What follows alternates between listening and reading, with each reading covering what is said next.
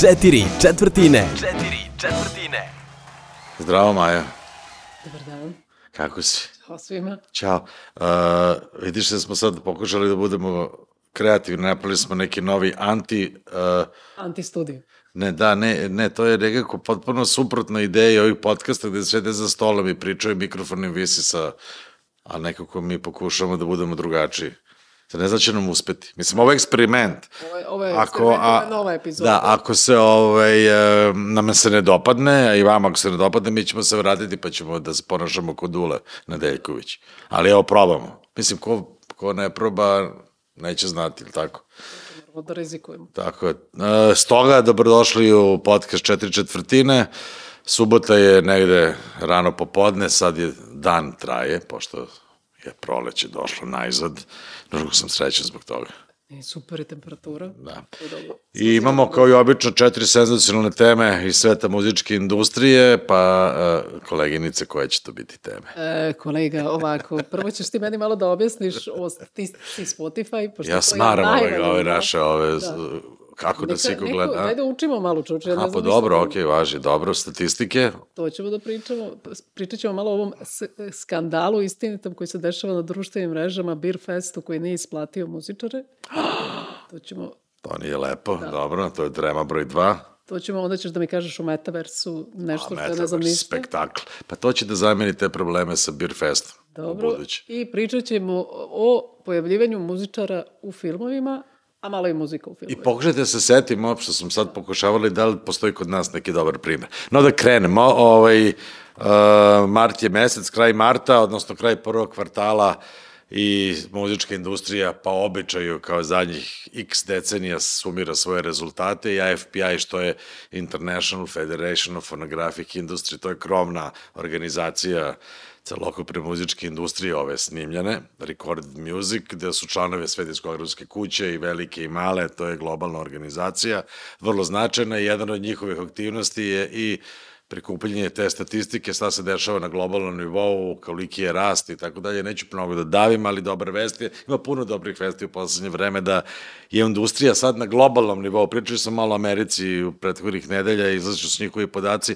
Industrija muzička na globalnom nivou je porasla za nekih 24,3% uz zadnjih 12 meseci, što je fantastično i ukupan prihod. Znači, samo snimljene muzike, ne govorimo o publishingu, i sinhronizacijama i ostalim stvarima je negde 16,9 milijardi, skoro 17 milijardi dolara i od toga je 65% prihoda dolazi od streaminga, što je jel, jako važno. E, vrlo je bitno reći da je i ostali, ostali delovi biznisa, to je fizički biznis koji podrazumeva prodaju kaseta, još uvek, a, vinil ploča, i, i kompakt diskova takođe porastao za nekih 16,1%, čak i ovaj performance rights, ovo što se prekuplja kao kolektivnih organizacija, porastao nekih malih 4%, ali sve zajedno to su jako, jako, jako dobre vesti. O, tako da ja očekujem da i ovde mi nemamo to, nažalost, niko to kod nas ne računa. O, i Hrvati su nešto počeli da računaju i pravi njihov HDU, Hrvatska diskografska unija, pravi izlazi sa nekim statističkim podacima. Možda ćemo to pogledati sledeće nedelje, vidimo šta, šta kažu o, i komšije koji malo ozbiljnije ipak se bave malo ovim nego, biznisom. malo više. Samo kad bi preuzeli taj njihov sistem, znaš kako bi nam bilo bolje. Samo treba da iskopiramo. Pa vidi, mi, mi kad bi kao društvo preuzeli ovaj, bar neke delove nekih sistema koji funkcionišu, bilo bi mnogo bolje, a slažem se za, za muzički biznis, možda bi mogli nešto da naučimo od naših prijatelja iz Hrvatske, ali mi se još uvek, naš, mi još uvek, nažalost, ovde, ba sam jutro što mi razmišljam, mi se dalje borimo sa terminologijom, znaš, do pre par godina se i dalje i u, u stvari uglavnom se koristi termin est- estrada, ljudi do ovo ne, ne, ne doživljavaju kao industriju, vrlo često mi imamo kao generički pojam za, za, za muzičku industriju estrada, a ne muzička industrija. Mi smo industriji, industrijski koncept počeli da uvodimo pre par godina, da se priča o muzičkoj industriji kao tako, inače to bila estrada, a da izađemo sad na ulicu u Lepovu našu i za nas kada pitamo nekog ovi, šta je muzički biznis, on rekli pa estrada u vratu 90% slučajeva. Tako da polako mi sitnim i sporim koracima gradimo budućnost, kao i obično. Biće do 2050. A, ne znam da li treba sad, nećemo je sad da Spotify da priča, da ne bi davili, ili ćemo i da nastavimo sa Spotifyom odmah. Pa kako god želiš, a možemo i taj metaverse da vidimo šta je to. A, a, juče sam bio na nekom, e, na nekom e, fantastičnom e, međunarodnom online skupu gde se pričalo o metaversu i o budućnosti i kako će se ovaj, e, kak, to je i kako će muz, muzička industrija da se uklopi u metavers i ovaj Web3 koncept koji je, ne znam da li znaš ili da naši gledalci znaju, Web3 za razliku od Web2 i njegova osnovna karakteristika je to što će moći, što u, u internetu verzija 3 transakcije će moći nesmetano da se obavljaju između ljudi. Tako da u tom smislu otvara se prostor da praktično izvođači ove, održavaju koncerte u, ove, kako se zove, u virtualnom prostoru i da tamo ne samo naplaćuju karte, nego da prodaju merchandising i ne znam šta već.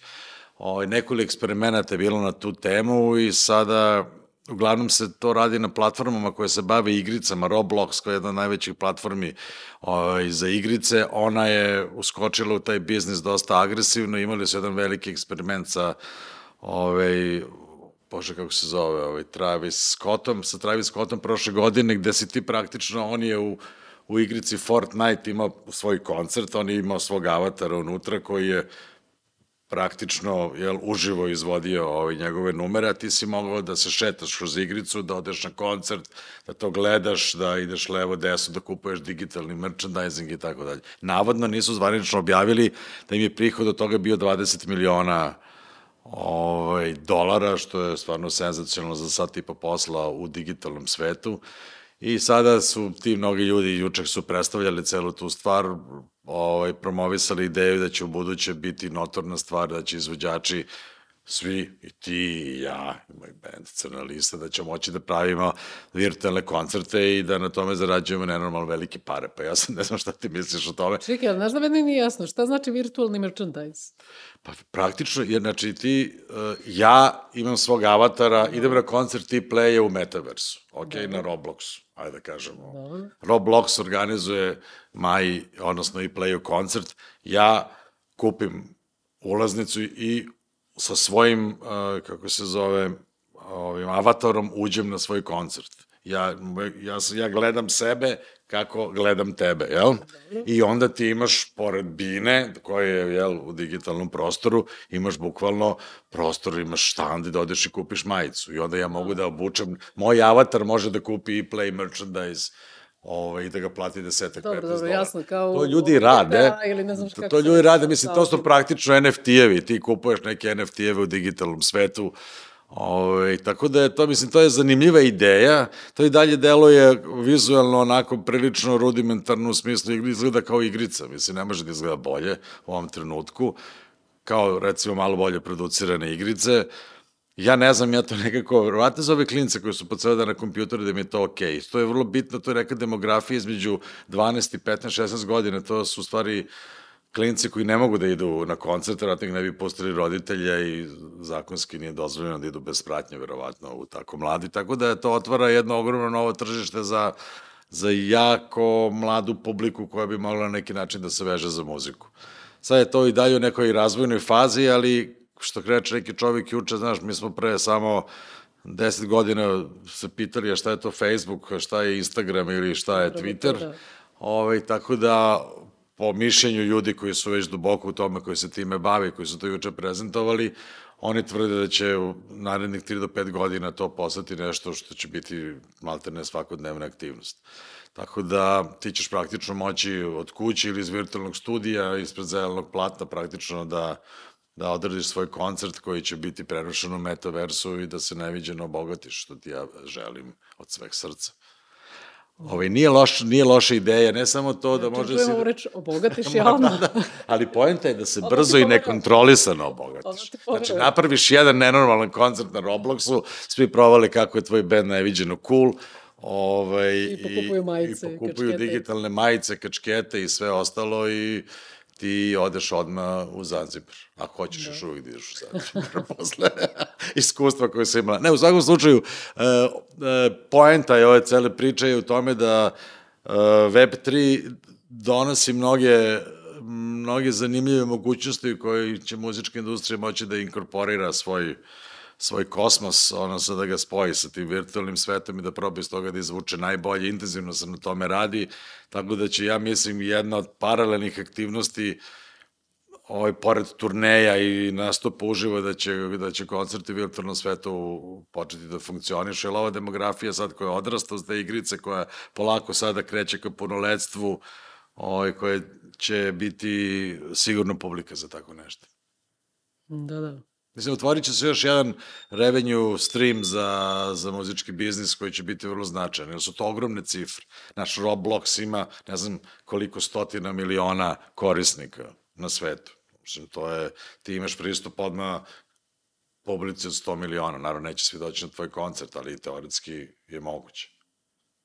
Ja već mesecima slušam kako da se obogatim od tebe i nikako. pa vidi, pa čekaj polako. Kako vodimo ovaj podcast, već jedno Pa, pa dobro, ček, trebala da mi kapne neka para. Pa to ćemo da ti završi. Nemoj, Uroše, daj molim te da pokapa je malo po nekim parama.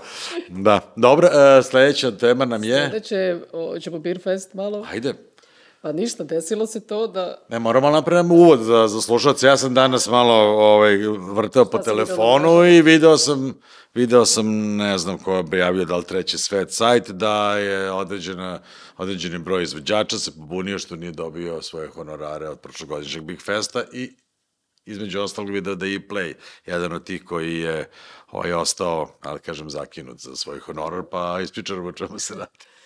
Pa ništa, ekipa Beer Festa e, koja je bila vrlo e, entuzijastična da u kratkom roku napravi jedan lep festival koji se desio u kratkom roku sred korone. Ovaj, reši da festival održi u najboljem svetlu, da svi muzičari izađu e, ono nekako sa dobrom voljom da to urade. I desi se posle toga jedan e, privatni bankrot i e, potpuno bankrotirala firma ili čovek? Čovek sa svojom firmom Mm. e, i honorari ostanu da vise u, u, u vazduhu i ništa. Većina izvođača se oglasila preko svojih društvenih mreža. A to je sad malo kao cancel kultura, malo sad hoćete da, da, da, da, da, da ljuti ste na njega, pa to. Ali imate razumevanje čovjek propao biznis, mislim, to se dešava.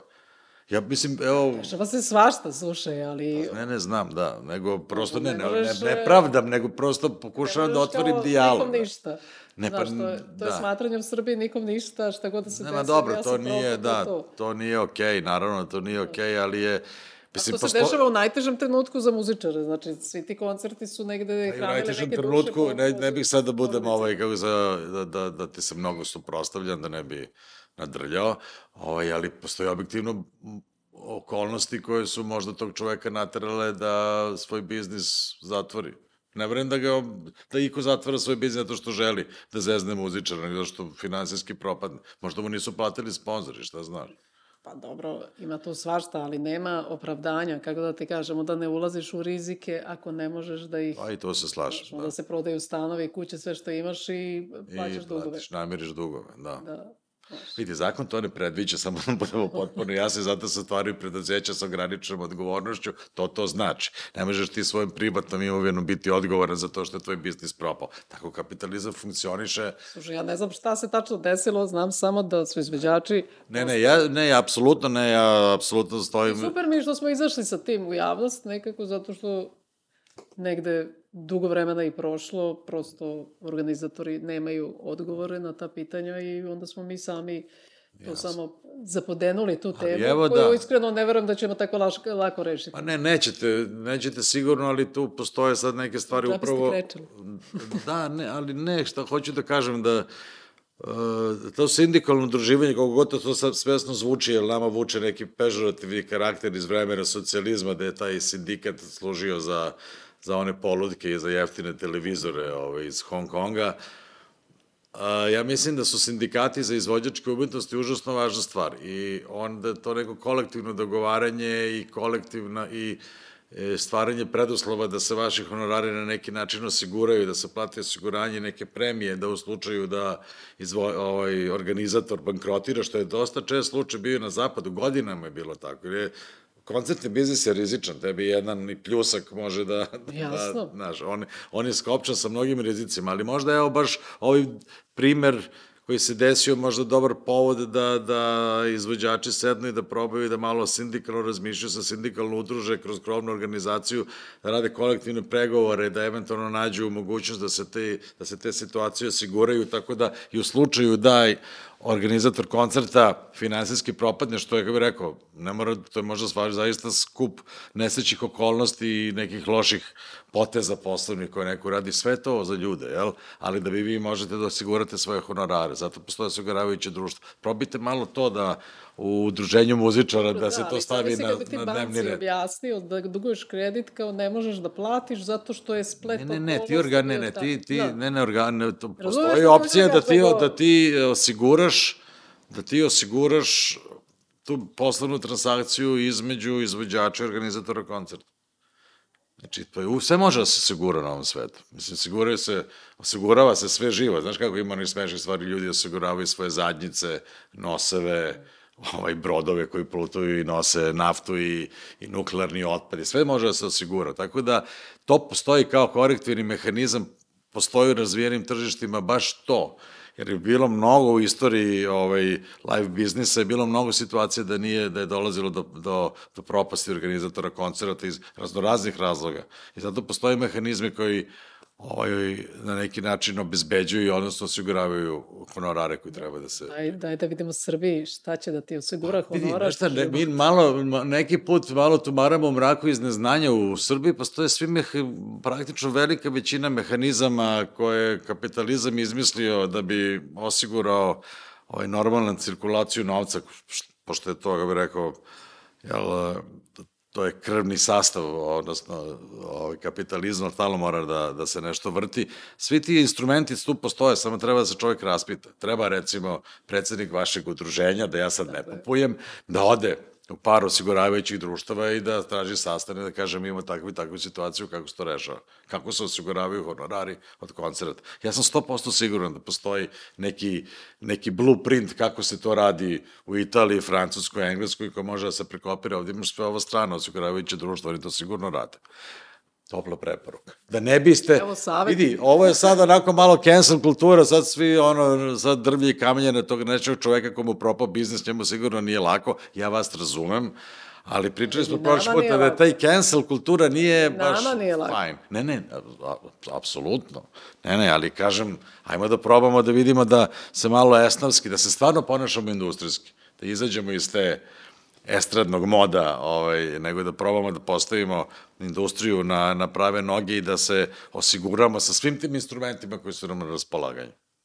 To mislim prosto... Dobro, uzet ću u obzir. Molim te, evo, delegiraj, a... delegiraj to na sledećem upravnom odboru ovaj, udruženja muzičara. Kaže, ja imam predlog. Da, rekli su mi. Da, rekli, rekli su mi. rekli su mi. Spasit ćemo Čula sam od drugara. ne, ne pitam za sebe, ja za druga, znaš. Da, dobro. Šta je sledeće? Sledeće je da pričamo uh, koje si glumce gledao, to jest muzičare u filmovima, a da su ti se dopali, a koje, koji ti se nisu dopali, a i kod nas da li imamo neki primer gde baš neki muzičar otišao u glumce, sem dvoje što su se setili. Vidiš, viš, pokušavamo, da, što je to vrlo zanimljivo kad si mi, ovaj, kad si mi e, pomenula tu temu, onda sam počeo da razmišljam, dobro, ajde imamo u, u u, u zapadnom svetu ima gomila primjera, u ratu i istočnom, mislim, ali ja sad ne poznajem toliko tu kulturu, vratno ni ti, ali imamo sve, od Frank Sinatra, mislim, preko David Bovija, pa Madone, Lady Gaga, pa Lady Gaga i ne znam šta je. Cher. I tako dalje. I to su uglavnom bili, čak i nisu, bili su to neki časni primjeri, bilo je to brukanje. Uglavnom i Madonna, jadna, ona je stalno dobijala negativne kritike. A dobro, I to je jako želela da glumi. Ona je baš, baš, baš jako želela, da, da, ali bila je dobra u Who's That Girl, mislim, on je prvi film, on tu je bila super, kada je praktično igrala samo sebe, kada je bila klink. Tu je bila simpatična. Meni se ona stvarno nikad nije dopala. Nikad? Nikad. U filmu ne, filmu ne. A, filmu ne. Ne, u filmu ne, ne, pa ne, ne, ne, ne, ne, ne, grozno je bilo. Ne, to ne. Mislim, u Jeviti... Telohranitelj, da, je. Telohranitelj je isto grozan da. Da, Vidi, da. tu da nije bilo one pesme, koji, by the way, Kevin Costner, ova ideja. Da, da, da, mučeno Kevina Costnera. Pa ne, ali on je to producirao čovjek koji je stavio, on je tu bio ozbiljnom problemu. Taj film je, ja mislim da nije, ne znam iz kog malog mozga je izvukao onu pesmu Dolly Parton, koja je to je njena pesma originalna, I will always, I will always love you. Verovatno iz potpunog Pa očajanja. da, iz potpunog očajanja i to je spaslo taj film koji je bio stvarno bez veze. To je bilo glupo. Madonani spasila filmovi su bili bez veze. Cher je dobra glumica, moram reći. Od, od, od, od pevačica. Pa su i Lady Gaga meni je ono, Pa nije loš. ovo dobro, da. Pa jeste, Mislim, mislim, ne bi to nikad očekivala. misliš za ovaj, ovaj ljubavni film, kako Da, se zove ovaj? Star is Born. Star is Born.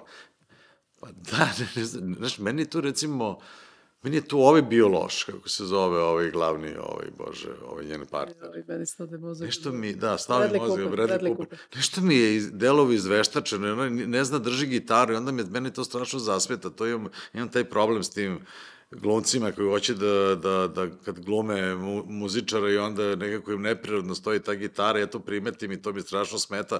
Nešto mi je tu, možda mi je čak ona bila bolja u nekim trenucima njega, ako on, mislim, on je vrsan glumac, ali nešto mi je ovde onako malo miško. ne, ne, ona je iznenadila, iskreno. Ja sam mislila da, ono, Ne, ona je da multitalentovna, ne, Da, ne, da, ne. da će biti dizaster. Super je Lady Gaga, recimo ja njenu muziku ne mogu slušati, meni to dosadno, ali mi je ona zanimljivija ako glumica. Lepo peva džez, moram reći, mada nekako, onako peva ga kao, mnogo, mnogo nekako kao ono elevator music, tako je nekako, ne, ne znam, neko mi nije, nemam, nemam, ne dodaje neku dimenziju u te standarde, iako peva sa Tony Bennettom i sve to kao fantastično i svirka je super, ali nešto mi tu, ona recimo ne funkcioniše, ove njene ploče ne mogu slušati, to mi je nešto bez veze. Čekaj, ali domaćih nismo se setili više od dva. E, vidiš šta, dva da. su Žika Todorović. Dobar, Žika Todorović je i glumac i muzičar. To jeste, ali da kao to da kažemo, otpada. prvo je muzičar, kao. Ali mi nemamo slučaj. Imamo slučaj Seke Aleksić. Imamo slučaj Seke Aleksić. Imamo Bravo, slučaj, Maja. Mi nismo anđeli, Seka Aleksić u ozbiljnoj ulozi, mislim, Pa jeste, u ulozi, tačno. igranoj ulozi. Da. Hvalići našem drugu. Imamo i Lenu Kovačević sad u nekom filmu Duškovom, ali nisam gledala da mogu da ti dam Da, komentar. vidiš, vidiš, ja vidiš, o- ne bi se setio Da. ni jednog ni drugog. Dobro, Lenu Kovačić nismo ni gledali, da. ali Seke se ne bih setio. Ja sam se sve ono pokušao, vrteo sam po glavi, pa setio sam dobro Đorđe Marijanović, Zvižduku 8, ali tu je on glumio sebe, to nije to.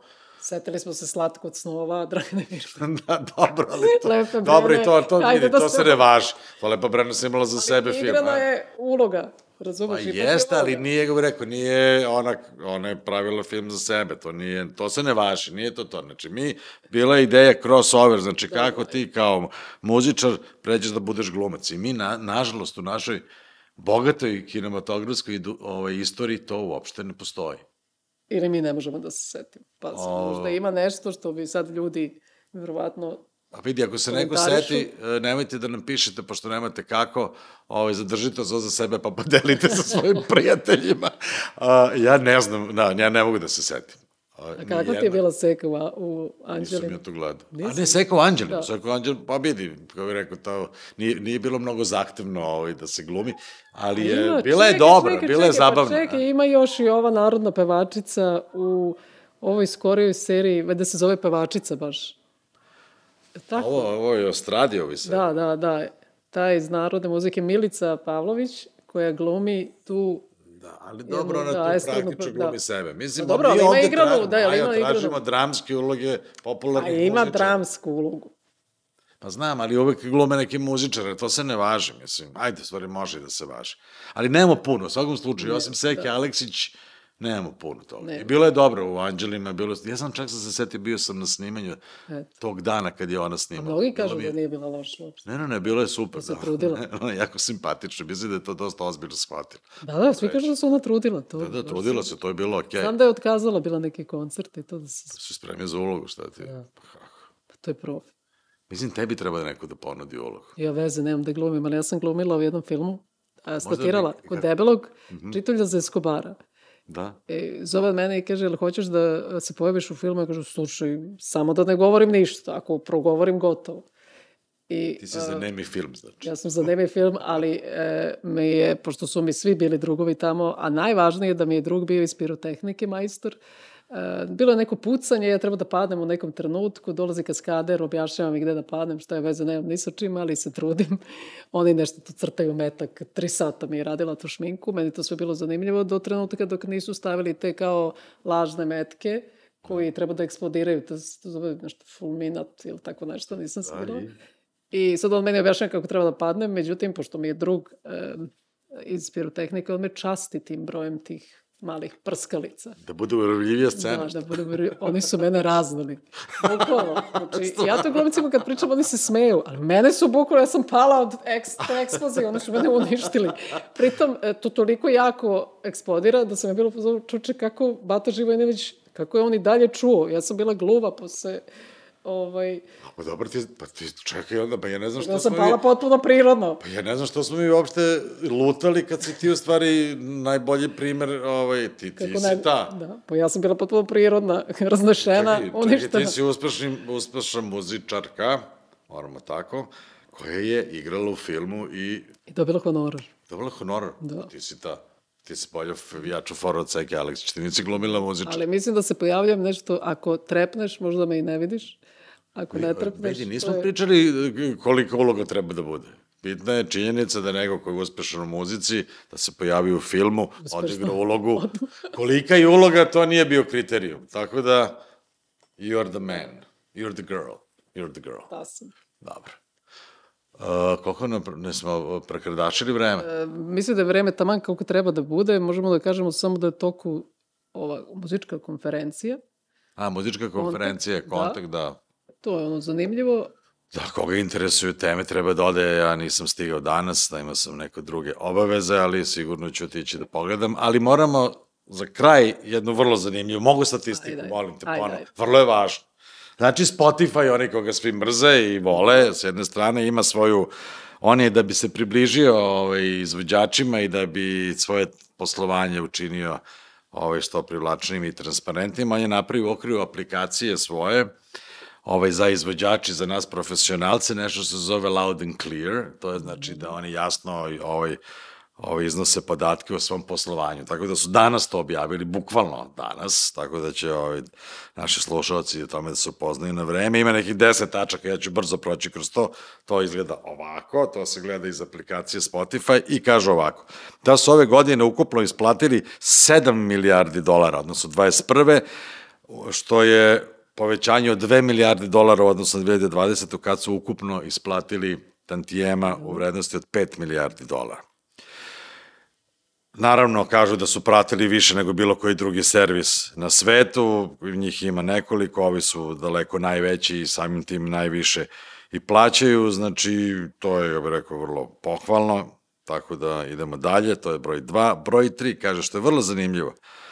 Znači, u 2021. godini je samo streaming postigao vrednost kao ukupan prihod od 2009. do 2016. godine. znači, samo u jednoj godini. Od 2009. do 2016. je bila ona velika kriza u muzičkoj industriji kada je ona padala između 10 i 20% svake godine i praktično se prepolovila u nekoliko godina. A i sad kad se zabere, znači od 2009. do 2016. svih tih praktično 7 godina je manje od onoga koliko je isplaćeno ovaj, ove godine od strane Spotify, što je zaista jedna fantastična ovaj, vest, good for Spotify. Ima, vrlo je važno da ovog puta, prvi put u istoriji se preko hiljadu izvođača je generisalo tantijeme od preko miliona eura. Što je dramatičan rast prošle godine, bilo negde oko 800, znači rast, rast je nekih 20, skoro 30-25% ovaj, izvođača koji mogu da zarade preko milion dolara ovaj, od tantijema na Spotify, to je very Da, nice. Možda je to i malo i korona donala. Pa nije, vidite, pa i više aspekata, naravno, broj, broj pretplatnika se povećava i ovih koji plaćaju i ovih koji su na freemium modelu, negde ukupno u ovom trenutku ima preko 500 miliona ljudi na svetu koji, koji aktivno streamuju muziku preko, preko platformi, on će se uvećavati, tako da taj rast taj rast ima direktno, ja mislim, povezan sa brojem ljudi koji usvajaju Spotify kao platformu za slušanje muzike. I ono što je vrlo bitno, povećava se broj, ove godine isto povećava se broj ljudi koji su uspeli da naprave nešto što se zove minimalnim godišnjim prihodom od koga bi možda potencijalno moglo da se živi, znači preko 50.000 izvođača i ove godine prvi put generisalo prihod preko 10.000 dolara, što je opet nešto. Znači, nije, da. e, rekao, e, š, statistika pokazuje da sistem funkcioniše tako da se širi različite načine, da nije sada da samo onaj vrh onih prvih 100 da, da pokupe ovaj sav kajmak, nego sad imamo ovaj nek malo, rekao, uravnoteženiju sliku toga ko ostvaruje prihode na Spotify. Brzo prelazimo dalje. Ček, samo, samo jednu digresiju. Da. E, znaš koliko ljudi me pitalo odakle Loki te po, ti podaci? Ja kažem, ne znam. Kaže, pa neka kaže odakle mu. E sad se su pa rekao da ti... ima ovde, da, mislim, ja, ja sam obsedno, znaš, ovaj naš biznis je postao poslednje vreme e, Super da kaže da ima na, na ne, ovo je, ovo je, ne, ovo je, ovo je da nije da izmišljamo. dosta stvari koje pričam ovde znam bez ovih industrijskih razgovora koji, koji su na neki način poslovna tajna, ja ne, ne govorim sve što znam, ali ovo je, ovo Spotify objavljuje u okviru aplikacije Spotify for Artists ili for Labels, koje, gde ti možeš da pratiš svoje, ovaj, kako zove, svoje, svoje aktivnosti, da, da. broj streamova na Spotify i ti onda imaš sekciju koja se zove Loud and Clear i klikneš na to i to sviđa, to je bukvalno danas. Znači, ne izmišljam. Ne, ne, ne, ništa ne izmišljam, apsolutno, ništa od ovoga se apsolutno ne izmišlja. Ok, uh, šta ima šta je sledeće, znači, mm, mm, mm, mm, da, vrlo bitno za, za autorska prava, znači, pa evo kaže ovde Spotify, prvi put, uh, drugu godinu za redom Spotify je platio više od milijarde dolara za autorska prava, odnosno za publishing kolektivnim organizacijama i tu smo već pre, prešli neki, neki, neki prag od milijardu koje se plaća za autorska prava, što je jako dobar vest. Jedin je problem što sad, ne znam, pričao sam više puta da je, sad je, baš smo u sredini pregovora između toga da li taj share koji se plaća za autore treba da se podigne ili spusti, sad je to na, ovaj, kako se zove, na jednom deo jednog sudskog spora u Americi, pa ćemo vidjeti šta će biti ovaj, rezultat svega toga. Šta je takođe vrlo bitno? A, kaže da, mm, dobro, ovo nije toliko važno.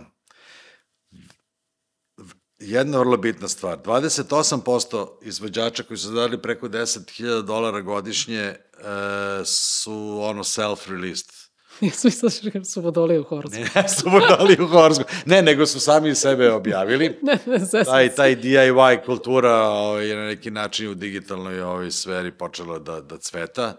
Ona ima, ja mislim, svoje ograničenja, ali nema dovoljno finansiranja, ali rekao, veliki broj izvođača objavljuje svoje svoju muziku sami i u ovom trenutku ih je oko 28% u okviru onih koji prave 10.000 dolara i više, što je ohrabrujuće za nekoga ko želi da bude sam. I kaže ovde, artist can go from zero to career faster than ever, powered by streaming. Znam što kaže ovde, nije baš jasnije. Preko 10% izvođača, njih 5000... Dobro, ostavit ću nešto za... Evo, evo, evo. Znači, 10% e, izvođača koji su ih zaradili preko 10.000 dolara su prvi put nešto objavili u poslednje dve do tri godine. Što je isto vrlo zanimljivo. Znači, ti ne moraš da imaš dugu karijeru i da si opšte poznat, ne bi li generisao neke zanimljive prihode na, na Spotify. Evo, kraj neću više, evo, oni su 10 slajdova napravili. Vrlo bitno, 34% izvođača koji su generisali tih prešli taj prag od 10.000 dolara ne dolazi sa tradicionalno velikih teritorije Zapadne Evrope i Severne Amerike. Uhu, znači, to znači da hitovi u današnje vreme zaista mogu da dođu iz bilo kog dela planete i što je jako ohrabrujuće čak i za, za nas, za može nekom Srbe. da se posreći ovaj, da to uradi. Ja se inače intenzivno bavim tome, to mi je sada, to mi je obsesija da se sad tako nešto desi u narednom periodu. Vrlo, vrlo intenzivno se tome bavim, možda ću imati neke lepe vesti sledeći put. Tako da globalizacija muzičkog tržišta je zaista stvarna, ne samo u smislu konzumacije, nego i u smislu kreacije. I, I stvarni su podaci. I stvarni su podaci majke mi, ne, ništa nisam. Šta, to, toliko deluje fantastično to što ja pričam. Da li, deluje, to su me ljudi pitali. Da, da, da, da li delujem kao fantastična riznica znanja ili kao neko ko toliko lupeta? To. Ajde da se čujemo i vidimo sledeće subote. Da, nadam se da vam je bilo zabavno. Nama je bilo interesantno, ne znam samo da li smo se previše da, vrteli. Da, ne znam kakav je ovaj studio. Ove, ovaj, to će nama naš reditelj reći. E, reditelju, ako ovo nije uspelo, vraćamo se na stare pozicije. Vi uživajte i gledajte nas i slušajte subotom. Ćao. Ćao. Četiri četvrtine. Četiri četvrtine.